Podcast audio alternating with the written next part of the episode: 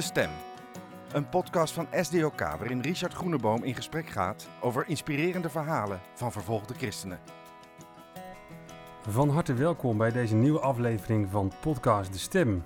We gaan vandaag naar Egypte. In het eh, islamitische land is naar schatting zo'n 10% van de bevolking christen. Het zijn veelal koptische christenen. Het zijn gelovigen die hun eigen kerkgebouwen hebben en over het algemeen de vrijheid hebben om hun geloof te beleiden. Maar daarnaast wonen er ook ex-moslims die geen eigen kerk hebben. Het zijn gelovigen die vaak voorzichtig zijn om publiekelijk over hun christen zijn te spreken. Dat kan ze namelijk veel problemen opleveren. Straks horen we het verhaal van een moslimleider die docent was op een islamitische universiteit en toen ontdekte dat Jezus de enige weg tot God is. Toen besloot hij christen te worden en gooide dat zijn leven totaal op zijn kop. We horen straks een verhaal van uh, SJK-collega Emma de Vries. Uh, welkom. Dankjewel. Ja, je bent uh, recent in Egypte geweest. Even voor ons beeld. Egypte, daar wonen christenen die ook wel vrijheid hebben, maar anderen ook niet. Ik schetste net al een beetje ja, dat beeld. hoe is de situatie eigenlijk voor christenen in Egypte in zijn algemeenheid? Ja, je hebt denk ik net al een korte goede samenvatting gegeven van, van hoe de situatie is. Uh, we hebben denk ik allemaal nog wel op ons netvlies uh, die situatie uh, nou, rondom de Arabische lente, hè, de moslimbroederschap die, die aan de macht kwam in Egypte. dat gaf best wat onzekerheid onder christenen. De angst was ook dat de situatie echt wel ernstig zou verslechteren voor christenen in eerste instantie. op dit moment is het zo dat Al-Sisi aan de macht is in Egypte en is het nou, weer relatief rustig in het land. dat wil niet zeggen dat het allemaal allemaal goed gaat voor christenen. Maar er is wel, uh, zeker voor de Koptisch-Orthodoxe kerk, een uh, bepaalde stabiliteit, zeg maar. Er zijn ook een aantal jaren geleden wat uh, bijvoorbeeld bouwvergunningen voor kerken goedgekeurd. wat al lange tijd daarvoor niet het geval was. Dus over het algemeen zijn christenen wel blij, blij met de Al-Sisi? Ja, christenen zijn over het algemeen redelijk blij met de Al-Sisi. Inderdaad, een stukje stabiliteit zien ze daarin weer terug van, van voor de tijd van de moslimbroederschap. tegelijkertijd ja, betekent dat voor, uh, dat het nog steeds uh, heel lastig is voor uh, ex-moslims. Dus hè, degene die besluiten om echt Jezus te gaan volgen en uit een andere achtergrond komen. Dat blijft onverminderd moeilijk. Ja, daar gaan we het straks over hebben. even voor mijn beeld, wat was nou precies het doel van jouw reis naar Egypte? Ja, mijn doel van deze reis was om lokale partnerorganisaties die wij hebben in Egypte, waar SJK mee, nauw mee samenwerkt, om, om die te bezoeken om eh, van hen te horen hoe het gaat met het werk, uh, wat de uitdagingen zijn, uh, een stukje projectcontrole te doen. Ja, en je hebt daar verschillende mensen gesproken, uh, ex-moslims, je noemde het net al eventjes. Onder andere een voormalige docent van de Al-Azhar Universiteit, een prestigieuze universiteit in Egypte, waar moslimleiders ja, worden opgeleid. Um, iemand die nu christen geworden is. Um, kun je zijn verhaal eens vertellen? Dat maakt me weer heel nieuwsgierig. Ja, heel, heel bijzonder om, uh, om zo iemand uh, te ontmoeten. Uh, je moet je voorstellen tijdens zo'n reis om, ontmoet je verschillende mensen. Dus dan zit je vaak in, in een kamertje nou ja, te wachten tot het volgende gesprek. Hè. En dan komt er weer, wordt er weer iemand bij je binnengebracht die even kort geïntroduceerd wordt Ik ken het, ja. door de partner. Je weet niet altijd van tevoren wat voor personen dat zijn. Dus in dit geval nou, was ik ook echt wel eventjes met mijn oren te klapperen toen ze hem introduceerden. En zeiden van ja, nee, deze man die is uh, een, een, moslimgeleerde geweest. En, uh, een hele bekende ook, en, toch? Uh, en ook in, in Egypte in ieder geval is hij bekend, ja. ja. Dus um, kijk, ik ken hem zelf niet. Mijn, mijn kennis is niet zo nee. dusdanig dat ik precies weet in Egypte welke de, wie de moslimgeleerden zijn. Maar um, ja, dus dat was echt... nou, die, die, man ging, ging zitten en, en, en begon zijn verhaal te doen. En dat was echt indrukwekkend, ja. En wat vertelde hij jou? Ja, hij vertelde eigenlijk dat hij uh, uh, altijd enorm... Uh, hij is echt een onderzoeker, zeg maar, hè, geweest aan de universiteit. Dus hij schreef ook boeken en hij was echt altijd op onderzoek uit naar van... ja, om nog meer te leren over de Koran. Hij zat echt helemaal diep in de Koran. Zijn vader had altijd de droom van hem dat hij een sheik zou worden. Dus echt van jongs af aan heeft hij dat meegekregen. En hij, hij studeerde in de, in de Koran. En op een gegeven moment... Uh, liep hij er in de Koran tegenaan dat hij niet zo goed snapte uh, um, hoe de Koran het monotheïsme zeg maar, uh, invult. Hij zegt van je moet en God volgen en Mohammed. Hoe zit dat dan als er maar één God is? En hij had daar wat vragen over. En die stelde hij ook aan zijn, ja, degene binnen de universiteit die, ehm, waar hij verantwoording aan moest afleggen. Dus dat, eh, en, en die man zei gewoon van ja, daar moet je verder geen vragen over stellen, moet je niet verder over praten, laat het maar gewoon rusten.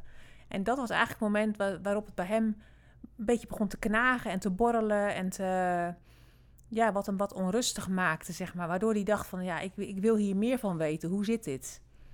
Ja, en was hij ook iemand die heel erg uh, anti-christelijk was? Vertelde hij daar nog iets over? Ja, hij vertelde dat dat, eh, dat het echt ook helemaal de cultuur is eh, binnen die wereld waarin hij zich uh, bevond en waarin hij functioneerde. Dat eigenlijk, ehm, ja, alles wat maar, maar christen was, zeg maar, daar moest je gewoon verder van blijven. Er werd ook heel negatief over gesproken. En hij zei, ja, dat is eigenlijk al van jongs af aan de cultuur waarin ik ben opgegroeid. Ja, het ging dus borrelen, maar het ging nog veel verder dan dat. Wat gebeurde er precies met het, hem? Het ging veel verder dan dat. En, en dusdanig dat hij ook echt heel erg zijn best heeft gedaan. Dat is ook een proces van een aantal jaar geweest. om er eigenlijk ver van te blijven. Dus hij op een gegeven moment gaat hij dan wel een stukje Bijbel vergelijken met de Koran. Maar eigenlijk om, nog steeds met als doel om, om te bewijzen dat de Koran gelijk heeft. Hè? Dus dat, ehm, dat is zijn grote doel.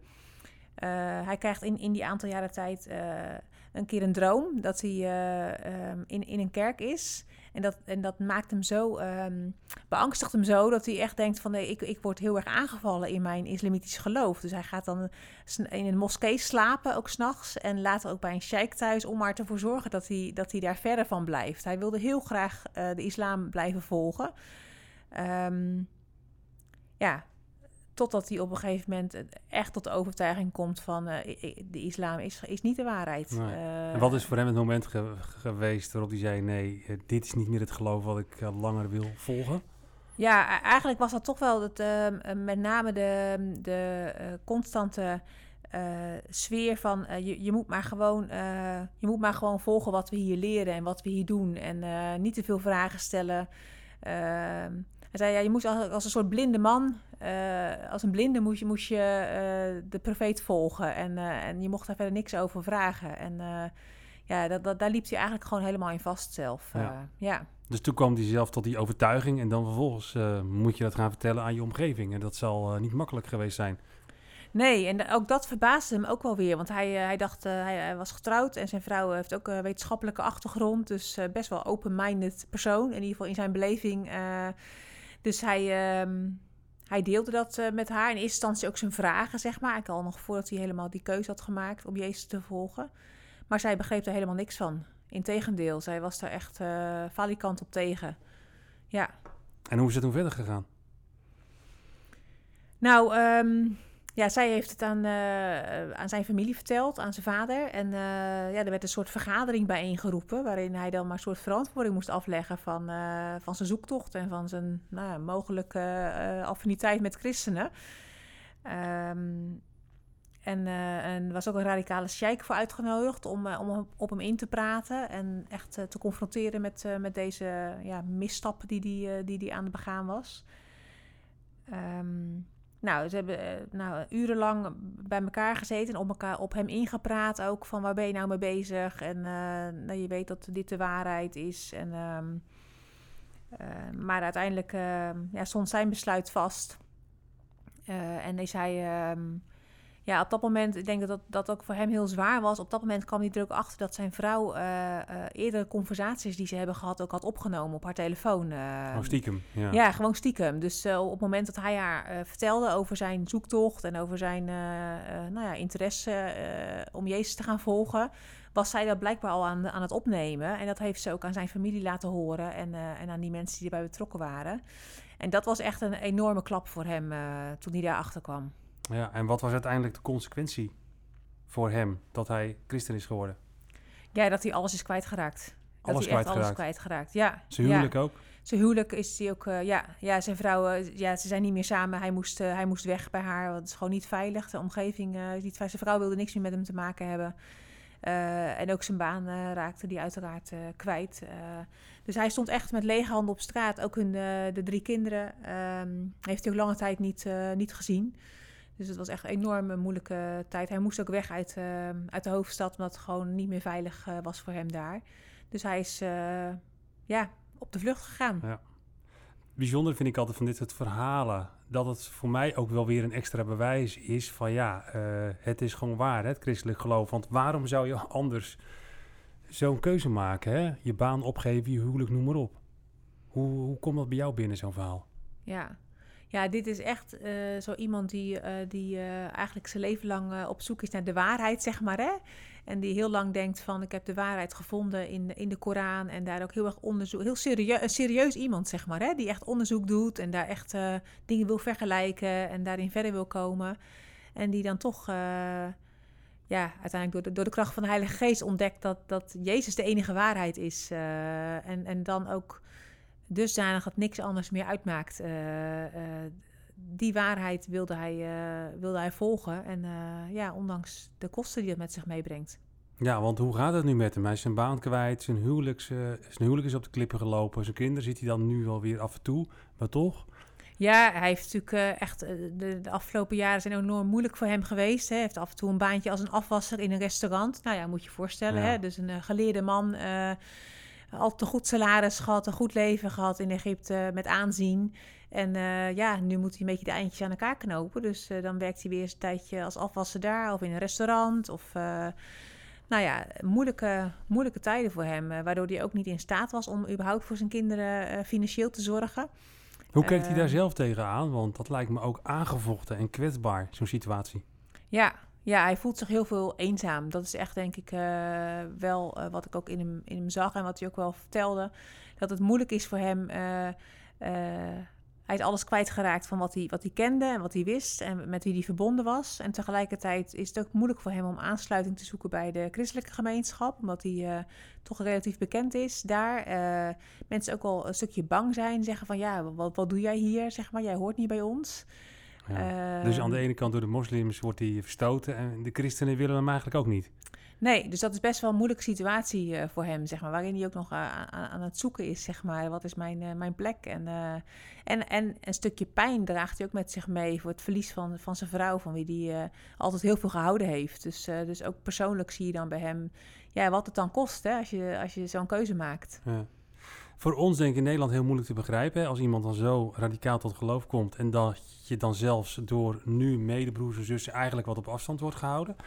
Uh, is dat ook een punt van ja, ook gesprek onder christenen in Egypte? Uh, enig idee?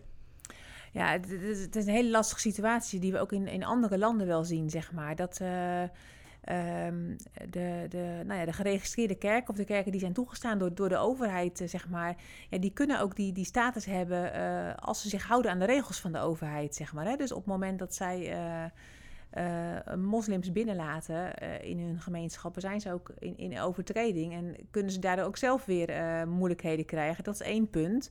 Aan de andere kant is ook dat, dat de overheid dat ook soms wel gebruikt. Dus zeg maar een soort infiltreert zeg maar, in die gemeenschappen om, om mensen juist te pakken uh, op het feit dat ze Jezus zijn gaan volgen. Dus christenen zijn over het algemeen heel, heel angstig en uh, ja, toch wel bang dat dat dan, dat dat dan gevolgen zal hebben. Ja, zeg maar, omdat zij dan het verwijt krijgen van jullie hebben hem ja. christen gemaakt, om ja. even zo te zeggen. Ja, ja. Ja, dus en want daar wordt gewoon niet, nou ja, dat is zacht gezegd, zacht gezegd, niet positief naar gekeken, zeg maar, in Egypte. Nee. nee. Ja. Je zou ook misschien kunnen zeggen, ja, ook een beetje gebrek aan volwassenheid en geloof van ja, kerk? dat zou kunnen. Dat zou kunnen. Tegelijkertijd denk ik van, ja, uh, laten we dan vooral ook naar onszelf kijken hier in Nederland, zeg Zeker, maar. Hè? Van, ja. wat dat is ook een vraag. Wat zijn bij ons de gevolgen als wij... Het zijn lastige dilemma's natuurlijk, hè? Heel lastig, ja. Nou, het is ook een beetje van, ben je als kerk naar binnen gericht of naar buiten gericht, zeg maar, hè? Van, je ziet in... in, in um, een kerk die, nou, zoals Egypte is de kerk natuurlijk al eeuwenlang uh, heeft met deze situatie te maken. Al langere tijd, zeg maar, onder, uh, onder druk. Dat, dat, dat, um, dan zie je ook dat de kerk de neiging heeft om wat meer naar binnen gericht te raken, zeg maar. En dan is er altijd wel een klein deel binnen de kerk die zegt van... nee, we willen toch uitdragen, het evangelie blijven doorgeven. Maar dat ook een deel zegt van nou, het is eigenlijk wel, wel prima zo, wel comfortabel ja. uh, uh, deze situatie. Ja, want SJK werkt natuurlijk uh, samen met lokale partners die zich specifiek ook ontfermen over deze mensen.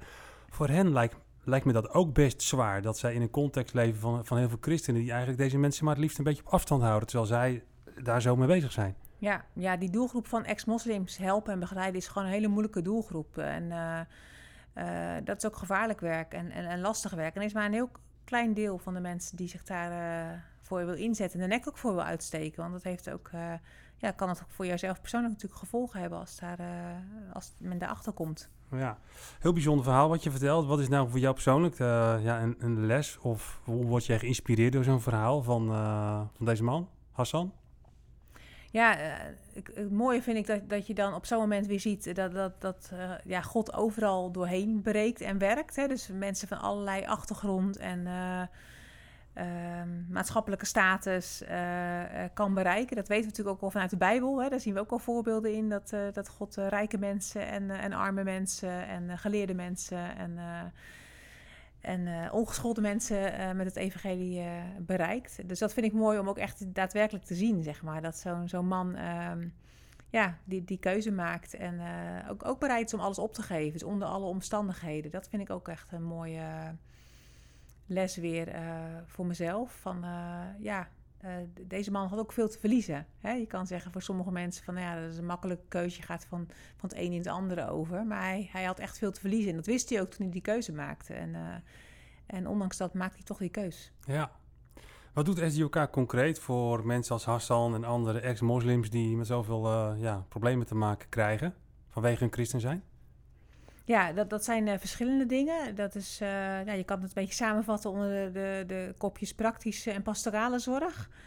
Uh, nou, je, je kunt je voorstellen dat pastorale zorg enorm belangrijk is in zo'n situatie. Hè? Dus het, doel is van onze partners ook om, om zo iemand ook te laten ervaren van je bent niet alleen. Je hebt een, een familie hier in Egypte hè, van broers en zussen die om je heen staan, maar ook wereldwijd. Je bent onderdeel van, van Gods wereldwijde kerk. Juist mensen die alleen zijn komen te staan. Uh, dus dat zijn pastorale bezoeken, uh, maar ook uh, lessen over het christendom, bijbelonderwijs. want het zijn ook allemaal nieuwe gelovigen en nou, die, die moeten ook soms nog heel veel leren over, over het volgen van Jezus. zeker ook als ze in de islam zijn opgegroeid, hebben ze ook heel andere beelden van, van, heel, veel, van heel veel dingen. Dus dat vraagt een stukje onderwijs. Um, en een stukje praktische hulp. Uh, want je kunt je voorstellen dat, uh, nou, zeker als mensen op de vlucht moeten gaan, uh, onveilig zijn voor hun familie of omgeving, dat er dan een appartement gehuurd moet worden op een andere plek.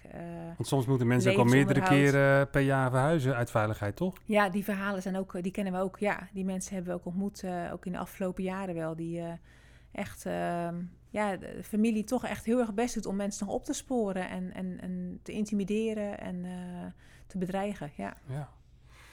Je hebt heel veel mensen gesproken. We hebben net het verhaal van Hassan uh, gehoord. Uh, kun je nog een ander verhaal noemen? Een ontmoeting die bij jou is blijven haken? Ja, dat, dat, dat sluit een beetje aan bij wat ik net zei. Van dat God, God mensen, al, allerlei soorten mensen roept, zeg maar. want een andere ontmoeting die ik heb gehad was met een jong gezinnetje echtpaar met, uh, met drie kleine kinderen. Uh, en die hadden ook een verhaal over, over hoe zij in hun leven tot de keuze zijn gekomen om Jezus te gaan, gaan volgen. die, die man die heeft al. zijn, zijn broer is eerder al christen geworden, dus hij, hij had er al wel iets van gehoord, maar hij wist eigenlijk niet zo goed wat het inhield. Maar hij werd eigenlijk al wel vervolgd door zijn familie, neven onder andere.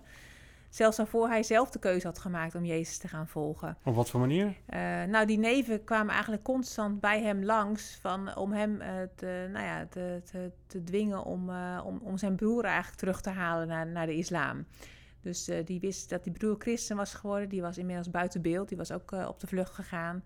Maar ze, ja, die neven kwamen continu weer bij, bij hem, bij Emat en zijn broers om, uh, ja, om ze dan te bedreigen en te zeggen van ja, dat kan toch niet. Jullie broer uh, is christen geworden, hij brengt schande over ons allemaal. En uh, ja, hij voelde zich daar enorm door, uh, door bedreigd. Um, en nou, dus, dus, het verhaal is nog veel langer, maar in ieder geval op een gegeven moment is hij aan een christelijk collega gewoon toch eens wat meer gaan vragen over het christelijk geloof. Want hij, hij had op een gegeven moment dacht hij van ja, hoe, hoe, kan, hoe kan God, hoe kan Allah nou van ons vragen dat we dan dat we onze familieleden doden. Uh, hoe, hij, hij, kon dat gewoon niet met elkaar rijmen. Dat die neven zo agressief en zoveel haat hadden, zeg maar. Uh, hij zei, dat kan toch niet dat Allah dat van ons vraagt. Dus hij kreeg daar vragen over bij zijn godsbeeld, zeg maar. En, en, dat bracht hem tot het stellen van vragen aan een collega. En ehm, uiteindelijk tot het geloof in Jezus. Ja. ja. en dat had ook weer veel consequenties. Wat betekende dat voor hun, voor dit gezin? Ja, dat ze uiteindelijk toen ze die keuze hadden gemaakt... en zijn vrouw heeft dat een aantal maanden later gedaan, na hem... eh, dat ze niet meer konden blijven in, eh, in het zuiden van Egypte... waar ze, waar ze woonden in een kleine gemeenschap... eh, waar je kan voorstellen dat mensen ook wat meer op elkaar letten... en wat meer van elkaar weten. En waar de dreiging enorm groot was vanuit die familie... Dus ook zij zijn op de vlucht gegaan naar de, naar de grote stad, zeg maar. En uiteindelijk ook in het netwerk van onze partner terechtgekomen. Ze wonen nu in een, op een veilige plek, ehm, in een appartement. En ehm, krijgen ook nog een stukje onderwijs. weer een heel andere achtergrond. Zij komen echt uit een dorpje in het zuiden van Egypte. Uit arme achtergrond, weinig onderwijs ook genoten. maar met dezelfde passie en het verlangen om, om Jezus te dienen op de plekken waar God hen zet. Ja, ja ook een man die gewoon nog een baan had, in ieder geval, dus nu ook geen baan meer heeft? Nee, nee. En vanuit, uh, dat is ook een van de dingen die vanuit onze partners ook wel geregeld wordt, dat ze toch hè, soms een baantje ergens kunnen, kunnen krijgen, soms voor, tijdelijk voor een aantal maanden. Dus op dit moment was die, was die tijdelijk aan het werk in een soort bedrijfje voor ehm, kantoormeubels. Dus dan verdient hij toch wel een klein beetje geld, zeg maar. Nou, dan kunnen ze in ieder geval ook zelf een deel betalen van de kosten die ze hebben. Ja, uh, doel van deze reis is natuurlijk ook ja, projecten die SJOK ondersteunt ja, te controleren, te bekijken, feeling te houden met het, ja, met het werk. Maar ook om de broeders en zusters daar te bemoedigen. Um, dat kan soms misschien best ook wel moeilijk zijn als je zulke soort verhalen hoort die heel verdrietig zijn. Hoe probeer je ook deze mensen dan ook broeders en zusters te, te, bemoedigen? Ja, nou wat, wat we altijd merken uh, is uh, tijdens zo'n reis, is het al, ervaren mensen het al enorm als bemoediging dat je op bezoek komt, zeg maar. Hè? Dat je echt kan zeggen, ik kom hier namens christenen uit, uit een ander land, uit Nederland. Um, en namens hen kom ik hier om, om, om, jullie verhalen te horen, om jullie te laten weten dat jullie niet alleen staan. dat is al een bemoediging op zich. Wat ook heel, heel bemoedigend wordt ervaren is nou, de kaarten vanuit de bemoedigingsactie die ik eigenlijk altijd mee probeer te nemen als ik op reis ga. Een stapeltje kaarten. Ja, dat... kaarten die Nederlandse christenen kunnen sturen met een tekst of een, ja, een mooie boodschap. Ja, die worden hier naar ons kantoor natuurlijk gestuurd en dat kunnen we meenemen op reis. Um, nou, en dan probeer ik eigenlijk na elk gesprek wat ik heb uh, mensen een, een, stapeltje kaarten te geven. En dat is dan zo tastbaar voor die mensen van hey, ja, aan de ene kant kan je natuurlijk zeggen van hè, we leven met jullie mee en we, er zijn mensen in Nederland die aan jullie denken. Maar als je als uh, tastbaar bewijs daarvan ook kaarten kan geven met bemoedigende teksten, en dan vragen ze ook echt al oh, wat staat daar. En dan vertalen we dat in, met de partners samen, uh, echt in het Arabisch ook. het zijn vaak, de kaarten zijn vaak in het Engels geschreven.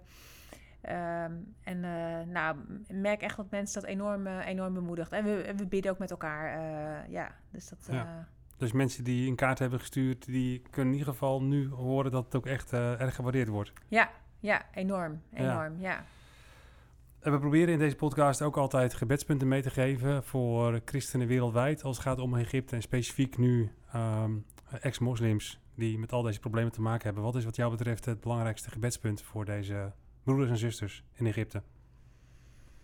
Ja, ik, ik denk dat, nou, wat ik net even noemde, dat ze, dat ze zullen uh, ervaren ook echt en merken dat ze een, een, nieuwe familie hebben, zeg maar. Dus dat ze in hun eenzaamheid zullen ervaren dat, nou, allereerst dat God er is. En, en daar, daar getuigen ze ook vaak wel, maar ook dat ze zullen merken dat, er een, dat ze een nieuwe familie uh, hebben van broers en zussen in Egypte om hen heen.